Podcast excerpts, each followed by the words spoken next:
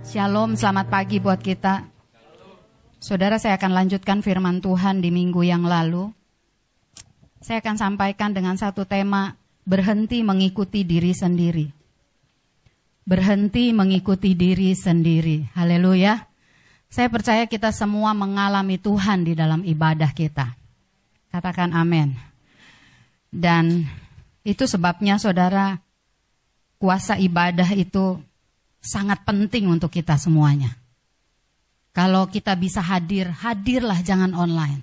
Tapi kalau Anda benar-benar tidak bisa, saudara kita harus terus berdoa, mendoakan para orang tua kita yang memang terbatas untuk bisa datang. Biar kita tidak egois menikmati semuanya sendirian, tapi kita mengingat saudara-saudara kita yang lain. Tema hari ini adalah berhenti mengikuti diri sendiri beberapa waktu disampaikan firman Tuhan tentang perasaan, tentang jiwa. Nah, saudara, di dalam jiwa itu ada yang namanya perasaan, pikiran, dan kehendak. Ketika perasaan kita mulai disetting kepada kebenaran, pikiran kita diisi dengan firman, ada satu pertandingan lagi yang namanya menundukkan kehendak. Saya renungkan saudara, berapa banyak pun nasihat yang saya terima, berapa banyak pun pertolongan yang ditujukan kepada saya. Tapi ketika keputusan saya untuk melakukan kehendak, itu jadi goal terakhirnya. Mau input kayak apa pun yang datang kepada saya, tapi waktu saya tetap kekeh dengan keputusan kehendak saya, saya eksekusi. Semuanya jadi percuma. Anda sepaham dengan ini? Berapa banyak pun kita membaca nih contoh ya, kita membaca oh minum air putih itu bagus, betul nggak? Oh harus sekian liter, tapi kan ujungnya kita yang putusin. Kayak tadi kan enak tuh, suka-sukamu Tuhan. Tapi banyak saudara, orang tua menangis ketika anaknya suka-sukanya. Haleluya. Banyak mungkin kakak-kakak tuh kesel waktu adiknya suka-sukanya. Uh, nggak ada di sini. Di sana sini. Oh ya, yang jadi kakak kayak menang dia. Berapa banyak gembala harus meringis ketika jemaat diberi arahan, tapi suka-sukanya, golnya dia juga. Saudara, saya nyampein firman Tuhan. Firman Tuhan itu kan pedang bermata dua. Betul nggak? Dia bicara bukan hanya kepada si pendengar, tapi si penyampai juga. Dalam diri kita nih saudara, di dalam diri setiap kita ada sistem atau program lahiria yang sekian lama tuh udah tersetting. Katakan tersetting. Dan muncul dalam pola kita. Saudara, pola manusiawi kita nih, yang duniawi ini. Satu, nggak mau repot. Katakan nggak mau repot. Kalau bisa gampang, ngapain susah, ya nggak? Setuju? Cocok katanya. Maunya senang-senang aja, nggak mau susah. Siapa yang setuju? Nggak mau repot, nggak mau susah, dan nggak mau diatur. Siapa yang penuhin itu tiga? Itu gue banget tuh katanya. Saya mulai renungkan ketika saya mulai ngalami pergulatan, saya mulai temukan buat diri saya. Tema ini bukan cuma buat saudara, saya pun harus menang di sini. Berhenti mengikuti diri sendiri. Karena banyak saudara, orang mau deklarasi firman, tapi kalau jalan dengan keinginannya sendiri, ujungnya maut. Habis semuanya. Kita terima pesan Tuhan, kita terima janji Tuhan. Kita ikut pemuritan mau seminggu lima kali. Yang ada pemuridnya bongkok. Saudara. Tapi keputusan kita penting, katakan sama-sama, keputusan saya menundukkan kehendak diri saya itu menentukan hasil akhir. Katakan amin. Anda mau yang anak muda deket sama orang yang lain beda iman. Mau diomongin kayak apa saudara? Keputusan yang jalan. Kok ketemu pendeta dia udah siap ayat. Iya kan? Apalagi dia udah denger YouTube-nya, oh kira-kira nih ayat ini nih dipakai, gue udah ada penangkalnya ya kan. Wong di YouTube semua ada ayatnya. Saudara, nggak mau repot, nggak mau susah. Padahal saya baca firman Tuhan, Mazmur 103 ayat 5. Dia berkata begini, dia yang memas, memuaskan hasratmu dengan kebaikan. Bukan kesenangan, katakan kebaikan. Tuhan memuaskan hasrat jiwa kita dengan kebaikan, bukan kesenangan. Kalaupun hari ini perjalanan kita tuh berat, susah, ingat Tuhan engkau memuaskan hasrat jiwaku dengan kebaikan.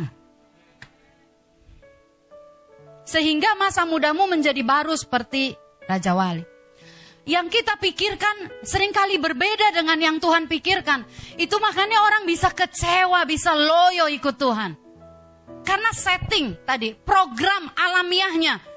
Kita lahir di kandungan ibu kita, kita dikandung. Waktu lahir itu nilai-nilainya masih turun tuh. Gak mau repot, gak mau susah, gak mau di, di, diatur. Itu udah alamiah. Saya pun begitu, saudara. Terus berpikir saya lebih tahu. Nah, mari kita akan lihat, saudara. Kenapa saya sampaikan ini? Berhenti mengikuti diri sendiri. Di ujungnya nanti kita bisa cek siapa yang sedang saya ikuti. Diri saya kah? Diri saya kah? Atau saya sedang mengikuti rencana Tuhan? Setiap hari pertarungan kita adalah menundukkan kehendak kita. Saya bilang kemarin ya, latihan makan rebus-rebusan untuk orang yang sedang berupaya di sana. Itu susahnya di awalnya doang, betul nggak? Tapi kalau udah terbangun polanya, itu mudah aja. Kalau nak zumba kata, pertama udah bangun pagi males, lama-lama dia malah kepengen. Anda tahu nggak? Kalau Anda mau menundukkan kehendak terus menerus, itu yang dibilang kesukaan Tuhan itu jadi kesukaanku. Aku nggak dipaksa karena udah berpadu. Haleluya. Mari kita lihat dulu dari kitab Markus, Markus 8 ayat 34. Apa pun saudara, semua kita punya pergumulan. Tapi kehendak itu saudara, kita harus belajar menyangkal diri kita taruh kehendak kita itu di bawah kehendak Tuhan. Kehendak Bapa harus di atas kehendak kita. Dia memuaskan hasrat jiwaku dengan kebaikan. Mari Markus 8 ayat 34 kita baca dulu ayat firman Tuhan ini sama-sama. Dua ya. Lalu Yesus memanggil orang banyak dan murid-muridnya dan berkata kepada mereka,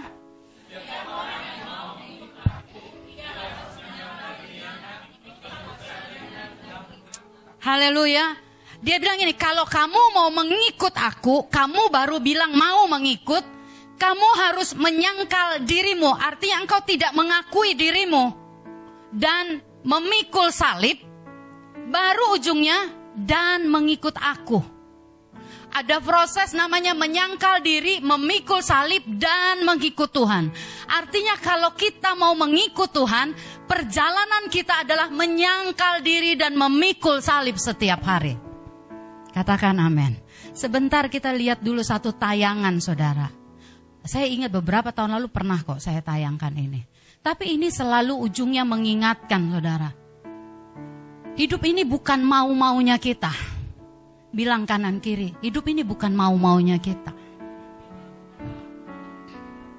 Kita akan lihat, saudara ya, program program manusia lahiriah yang duniawi ini selalu cari jalan cepat, jalan gampang, sementara ujungnya kita kehilangan semua yang Tuhan sediakan. Salib itu sangat berguna, katakan amin salib itu pikulanmu. Bukankah Kristus Tuhan kita pikul salib untuk sampai ujung? Salib itu berguna. Katakan sama-sama dengan salib itu berguna. Salib bicara penderitaan, kesukaran, itu berguna. Jadi kalau ada orang saudara, lewati penderitaan, ngelah ngeluh, Anda harus tahu. Itu berguna. Makanya Roma 8:28 berkata, Aku tahu sekarang bahwa Tuhan turut bekerja dalam segala sesuatu untuk mendatangkan kebaikan. Bagi siapa? Orang yang mengasihi dia. Orang yang mengasihi dia, kesukaan bapaknya itu jadi kesukaan dia. Ikul salib tiap hari. Mari kita lihat dulu ini tayangannya. Kita punya salib sendiri-sendiri. Saya nggak lihat ada suami istri satu salibnya. Halo Pak Sutri. Satu-satu salib kita. Jangan nebeng sama suami atau istri ya. Semua bertanding sendiri. Pikul salib tuh nggak enak. Jalan terus. Ada yang ditaruh salibnya. Kalau yang ditaruh tuh jalannya balik dia, nggak lanjut ke depan. Pikul terus. Lihat ada putih di sana di atas batu. Itu gergaji. Saya bilang kemarin iblis itu bukan Tuhan, dia penggoda, dia yang taruh itu. Lihat lagi perhatikan ada gergaji di sana.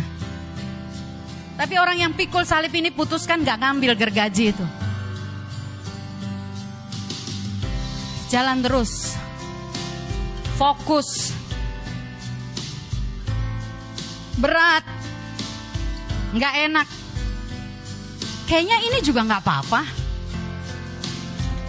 Dia mulai ambil gergajinya. Nah, kenapa? Baju putih pula. Baju putih memotong salibnya. Lanjut saudara.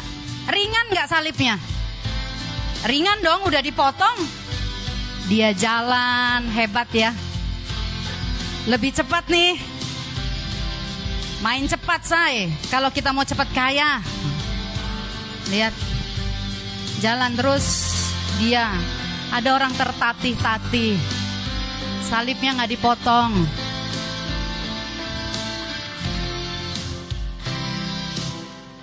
hikmat dunia itu menyesatkan kita, saudara. Lihat. Ah, sampai di ujung. Tiba golnya. Yang gak dipotong sampai ke ujung. Why orang yang memotong salibnya sampai nggak? Bisa nyebrang dia? Lihat. Jalan jauh percuma. Balik. Sementara dia lihat ke depan. Janji Tuhan di sana. Seberang.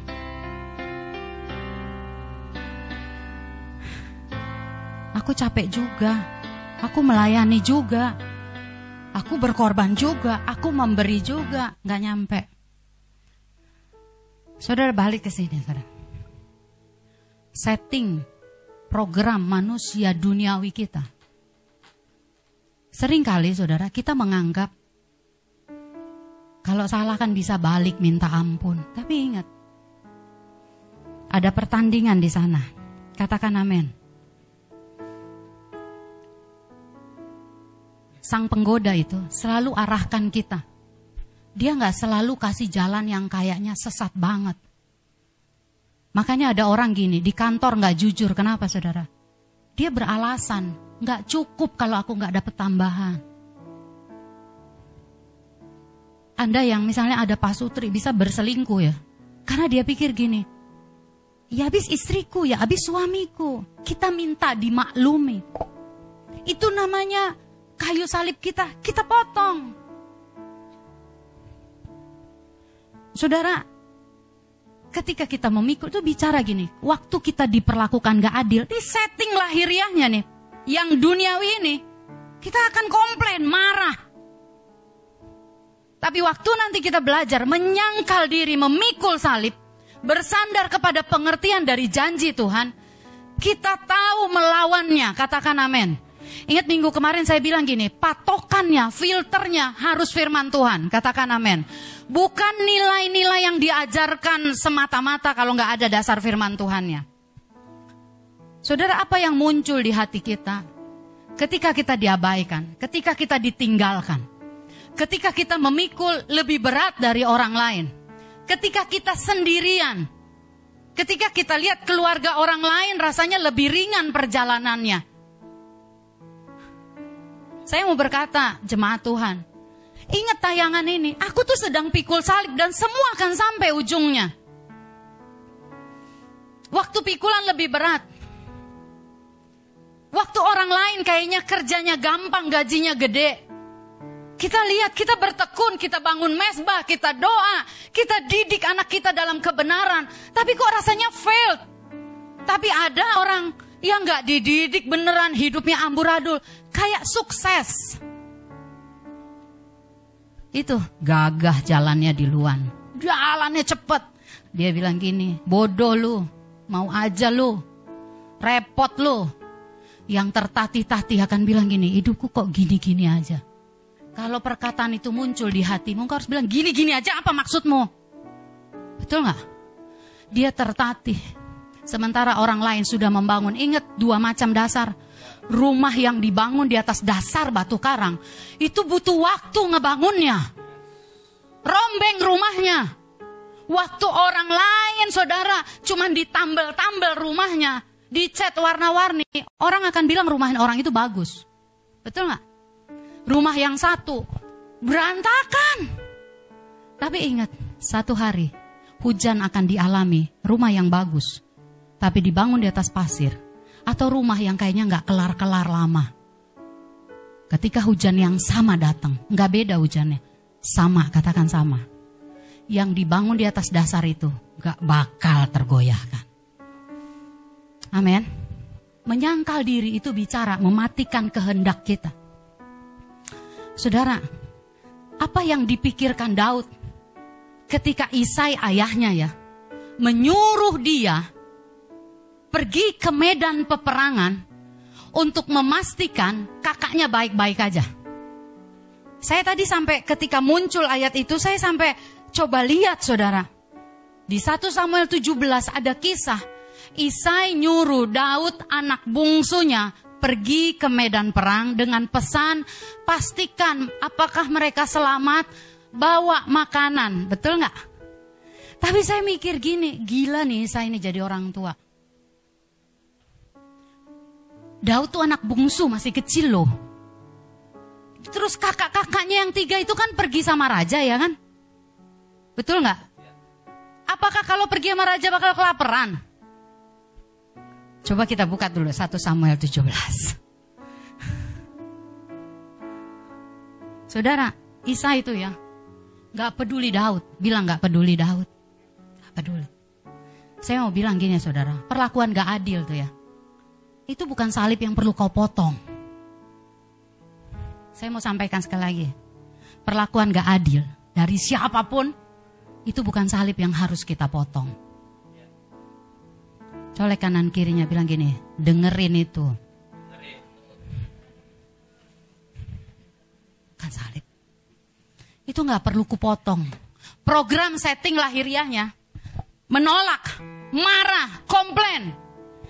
1 Samuel 17 lihat saudara.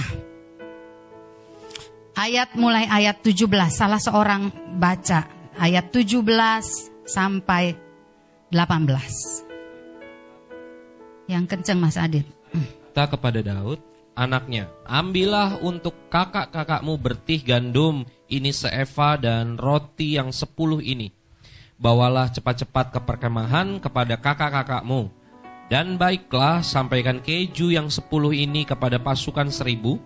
Tengoklah apakah kakak-kakakmu selamat dan bawalah pulang suatu tanda dari mereka. Gila banget ya. Untuk tiga orang kakaknya, Isai memperlakukan Daud sangat tidak adil. Gak dipikirin nih anak selamat apa enggak. Ini menuju medan perang. Betul nggak saudara? Tapi lihat Daud.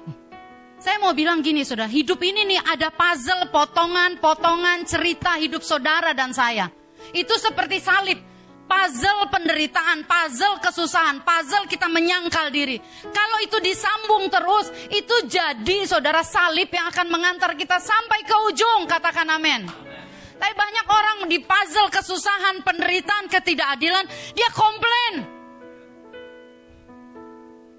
Dia sibuk ngurusin Isa yang gak adil. Padahal itu jalan untuk Daud ketemu Goliat, terima promosi jadi raja. Kalau Daud kecewa, setting manusia duniawinya itu, bilang, gak bener nih bapak gue. Daud tuh bisa ke tetangga loh. Bisa ke pendeta kalau ada waktu itu. Menangis ya, tolong doakan saya. Bapak saya nggak adil. Saya mau bilang gini, percayakah engkau Tuhan maha melihat segala sesuatu? Percayakah engkau dia melihat? Percayakah engkau dia punya mata yang menembus semua area? Kalau engkau percaya, ketika engkau dicurangi, kau akan bilang, mata Bapakku melihatnya. Kau akan bilang gini, ini potongan puzzle kok. Kalau aku izinkan, aku terus menyangkal diri, mengikuti. Aku kan sampai di ujung. Lihat ayat selanjutnya, saudara. Ayat 20. Ayat Baca sama-sama ayat firman Tuhan. Ayat 20. Dua ya. Lalu Daud bangun pagi-pagi, ditanggalkannya lah kami pada seorang penjaga, lalu mengangkat muatan dan pergi, seperti yang diperintahkan Isai kepadanya. Sampailah ia ke perkemahan, ketika, Ketika tentara keluar. untuk mengatur barisannya dan mengangkat sorak perang. Ada catatan yang dikatakan gini. Seperti yang diperintahkan Isai kepadanya. Tidak ada satupun perintah dari sang bapak yang gak fair ini yang diabaikan. Gak ada satupun. Betapa pentingnya saudara. Setting yang duniawi ini. Itu seperti kerak yang ngotor itu harus dirontokkan dari hidup kita. Yang dipikirin Allah, Daud jadi raja atas Israel. Tapi jalan ke sana, dia lewatin di padang pengembalaan sendirian. Kakak-kakaknya lebih dipromosi. Bapaknya lebih nggak fair lagi. Bener ada catatannya kan, Nabi Samuel datang aja dia nggak diajak, nggak dianggap. Daud tuh cuman dianggap kalau ada masalah. Katakan haleluya. Haleluya. Karena kalau ada undangan makan dia nggak diajak. Bilang sama-sama itu Alkitabiah ternyata. Jadi kalau Anda hanya diundang pas makan-makan, pas ada masalah, Anda nggak diundang itu tanda tanya itu. Kan haleluya. Oh jangan-jangan aku jadi Daud apa enggak nih? Yang dipikirin Allah, dia jadi raja. Firman Tuhan kemarin gini, memikirkan apa yang dipikirkan Allah. Tahukah engkau yang dipikirkan Allah tentang dirimu? Jadi seorang yang hebat. Jadi seorang bintang yang akan bersinar terang. Jadi seorang yang akan merentangkan bahunya melindungi banyak orang. Jadi seorang yang akan memimpin pasukan. Tapi kalau engkau melihat dirimu, mana janjinya? Itu salib yang kita pikul, itu mengantar sampai ujung. Daud nundukin egonya. Dia menanggalkan saudara, mematikan nih, menyangkali dirinya yang mau yang mau berargumen walaupun itu sah-sah aja.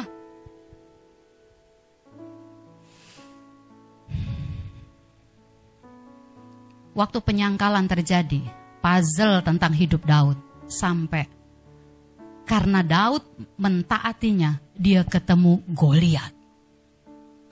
Saya bayangin kalau Daud komplain, dia nggak akan ketemu Goliat. Kehilangan waktu promosi jadi raja.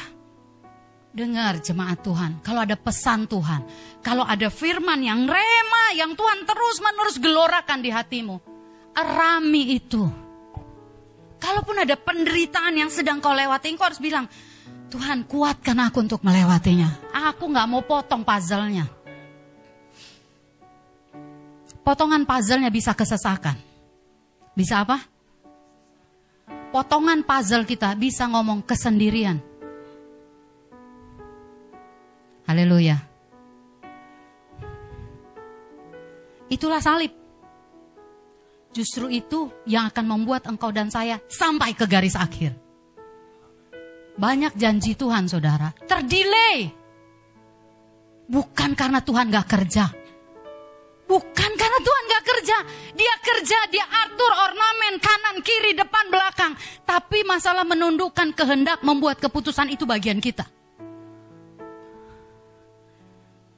Anda yang berpacaran. Anda mau hidup kudus gak kudus, itu kehendak yang harus engkau taklukkan. Mau pendeta sampai gemeter-gemeter tumpang tangan. Kalau engkau buat keputusan sendiri, jalan dewe.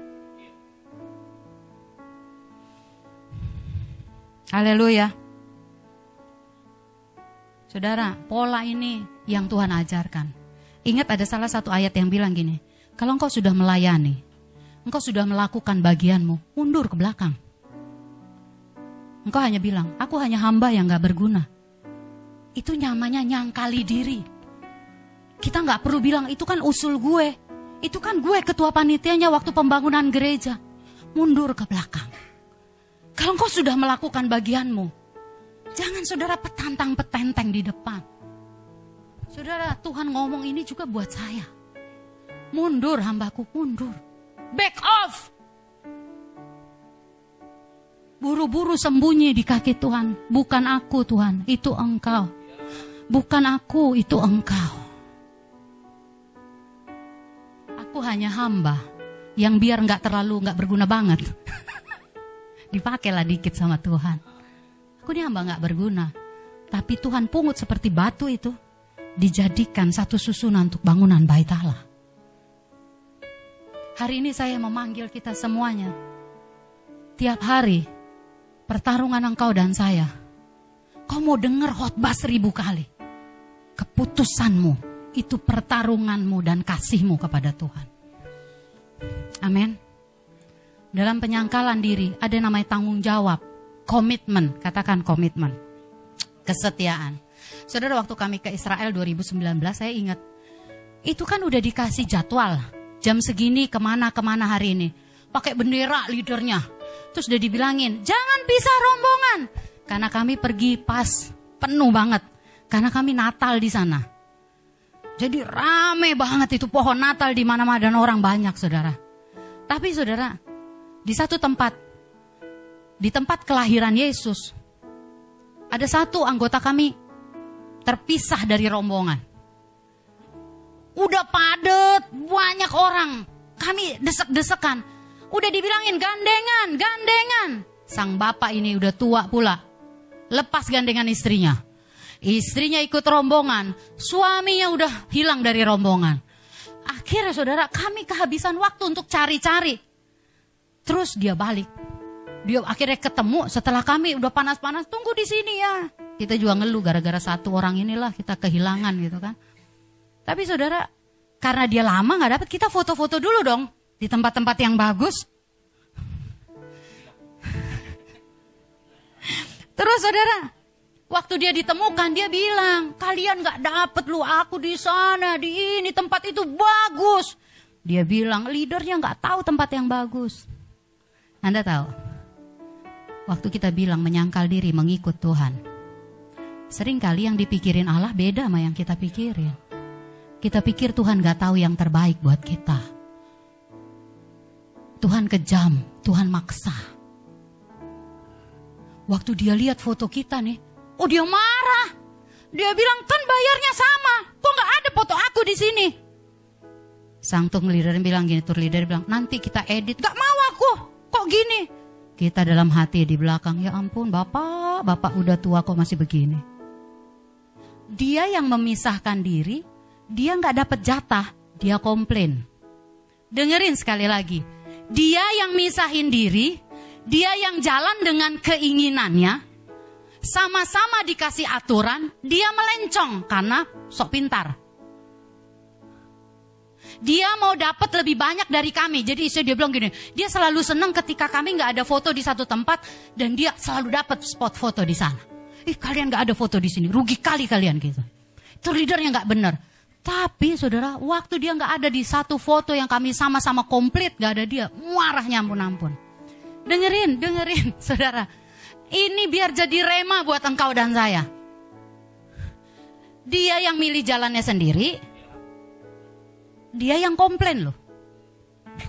Dia marah-marah. Bayarnya sama kok. Aku nggak dapet yang ini. Masalahnya di tempat itu udah dibilang jam segini kita akan foto. Foto sama-sama dan foto itulah yang dikasih ke setiap peserta. Jadi dia nggak ada fotonya. Saya mau bilang yang saudara, ada momentum dalam hidupmu dan hidupku. Itu yang bisa hilang waktu engkau memisahkan diri. Kita akan bilang, kayak tadi orang yang pikul salib itu. Aku ikut melayani kok. Aku ikut kegerakan kok. Tapi ada satu momentum engkau skip di sana. Waktu saya dapetin ini, sudah di hati saya banyak gejolak di hati. Tuhan, beri kami kesanggupan untuk menaklukkan kehendak kami. Coba buka, ini ayat emas kita hari ini, Amsal 3 ayat 5.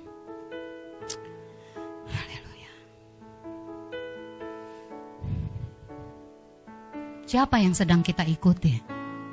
Masihkah kita menyangkal diri kita? Firman Tuhan bilang gini, setiap hari pelajar mau nyontek atau enggak itu keputusanmu, kehendakmu. Mau puasa 40 hari 40 malam orang tuamu kalau engkau nyontek mau ngomong apa?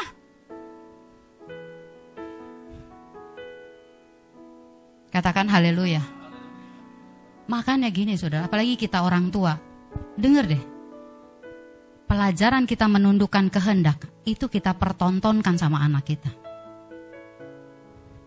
Kalau kita mulai hidup mau-maunya aja, anak kita pasti mau-maunya aja.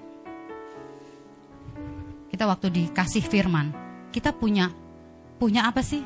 Punya excuse. Makanya ada orang kan bilang begini. Kalau untuk kerjaan bisa bangun pagi, ya kan digaji. Kalau untuk cari Tuhan, nggak bisa pagi-pagi. Siapa yang setuju ini? Kalau untuk kerjaan, lembur, it's okay. Kan digaji. Kalau untuk Tuhan, Tuhan tahu, dia mengerti sambil peluk bantal. Dia peduli sambil nyanyi tapi peluk guling. Itu yang membuat orang kehendaknya belum ditaklukkan. Haleluya. Ujungnya siapa yang sedang saya ikuti? Siapa yang saudara ikuti? Bang Obed. Untuk ikut gembala aja.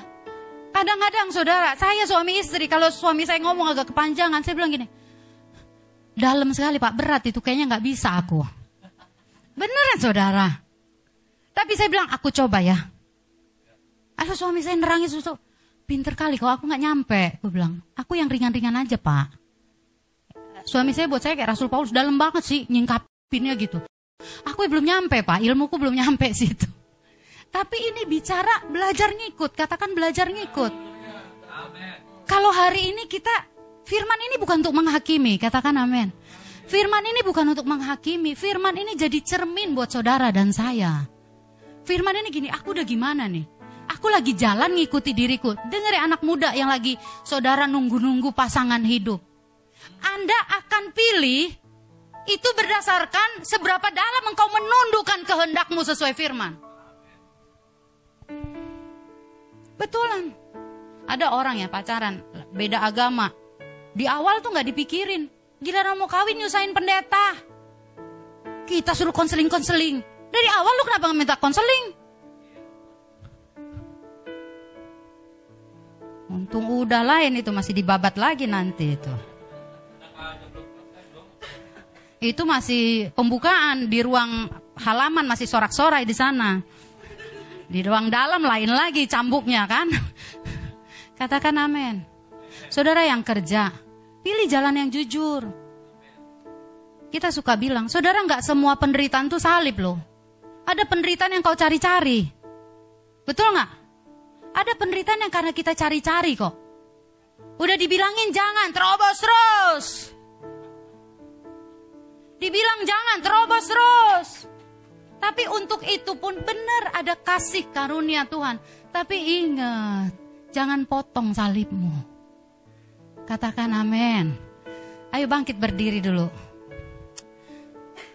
Amsal 3 ayat 5. Ini kunci untuk engkau bisa menyangkal diri, memikul salib dan mengikut Tuhan. Amsal 3 ayat 5. Dua ya.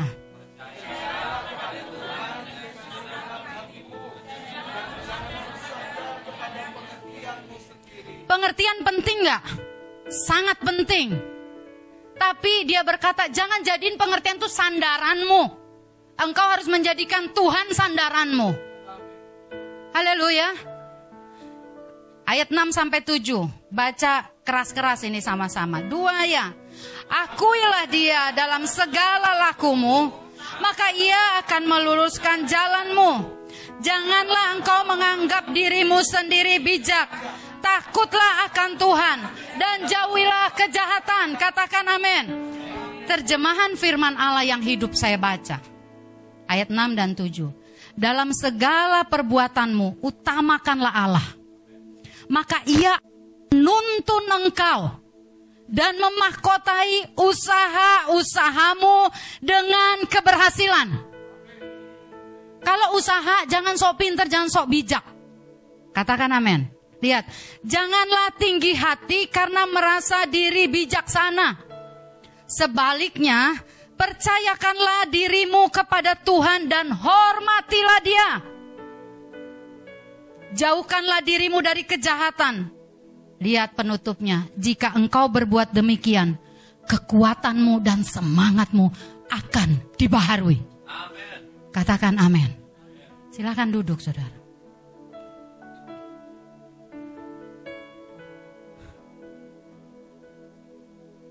Jangan memulai usaha dengan kesanggupanmu saja. Ayat ini bilang, hormati Tuhan Percayakanlah dirimu kepada Tuhan. Hormati dia. Saya baca cepat. Ada beberapa ayat tentang pengertian. Pengertian yang mana yang dimaksud? Mazmur 119 ayat 104 nanti 130. Saya baca ya saudara. Mazmur 119 ayat 104. Dari mana pengertian yang harusnya kita dapat? Dia berkata gini, Aku beroleh pengertian dari titah-titahmu Itulah sebabnya aku benci segala jalan dusta.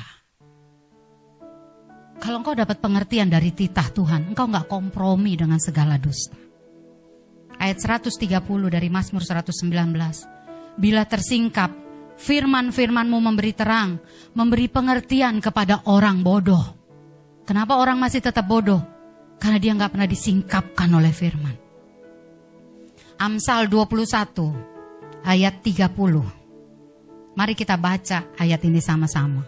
Amsal 21 ayat 30. Bawa pulang firman ini saudara. Jangan bersandar kepada pengertianku sendiri. Lihat Amsal 21 ayat 32 ya. Tidak ada hikmat dan pengertian. Dan tidak ada pertimbangan yang dapat menandingi Tuhan. Katakan amin. Amin. Kalau engkau dapatkan sesuatu untuk perjalanan memikul salibmu kau dapat rema atau dapat suara Tuhan di dalam batinmu. Itu akan kelihatan ketika engkau menjalaninya, sekalipun sulit, engkau akan punya keteguhan hati memikul salibmu. Firman Allah yang hidup bilang begini, Amsal 21 ayat 30. Betapapun cerdik dan pandainya seseorang, ia tidak dapat melawan Tuhan. Hari ini saudara, pesan firman Tuhan ini berhenti mengikuti diri sendiri. Katakan amin. Suami istri, engkau harus punya kesepakatan. Bukan supaya damai, ikutin aja istriku, ikutin aja suamiku biar damai. No. Kau harus balik bawa firman Tuhan. Ini yang harus kita ikuti. Pemenangnya bukan saya atau suami saya. Pemenangnya Tuhan di dalam hidup kita. Katakan amin. Hari ini saudara, Belajarlah mengikuti kebenaran, bukan kata hati. Belajarlah mengikuti kebenaran, bukan kata hati. Saya ulangi, belajarlah mengikuti kebenaran, bukan kata hati. Sampai saudara, nggak nyaman. Tapi I know, ujungnya pasti aku ketemu Tuhan di sana. Lewati kesusahan, puzzle potongan. Apa saudara, mau kekurangan uang? Bukankah bertahun-tahun kita ngalami Tuhan penyedia buat hidup kita? Bukankah kita lewati masa kritis dan krisis? Dan kita lihat dia penolong yang setia. Kalau kita khawatir, seolah-olah saudara, itu kesanggupan kita yang kemarin. Saya bilang, yang kemarin kan dari Tuhan. Yang hari ini dari Tuhan. yang besok pun dari Tuhan. Itu yang akan membuat engkau memikul salib dengan sukacita. Ingat ada lagu yang pernah mengikut Yesus keputusanku. Kan? ku tak ingkar, ku tak ingkar. Ujiannya adalah ketika tantangan hidup bertubi-tubi datang. Masalah datang beruntun. Itu ujiannya. Saya ingat renungan hari Sabtu kemarin. Yohanes bilang begini, Engkaukah yang akan datang ketika dia di penjara? Engkaukah yang akan datang atau harus kami menunggu orang lain? Seorang yang berseru-seru yang berkata, lihat anak domba. Dia ngalamin waktu-waktu sesak sendiri. Tapi saya lihat saudara, kuncinya apa sih? Tuhan jawab begini, bilang sama Yohanes, orang buta melihat, orang lumpuh berjalan. Waktu engkau lihat jalannya sesak, potongan puzzle-nya ini, kesengsaraan penderitaan. Engkau harus dengar tentang pekerjaan Allah. Kita harus dengar tentang pekerjaan Allah. Itu akan membuat engkau bangkit dan mengalami kemenangan. Engkau akan pikul lagi sekalipun tertatih-tatih. Katakan amin. Tutup Alkitabmu.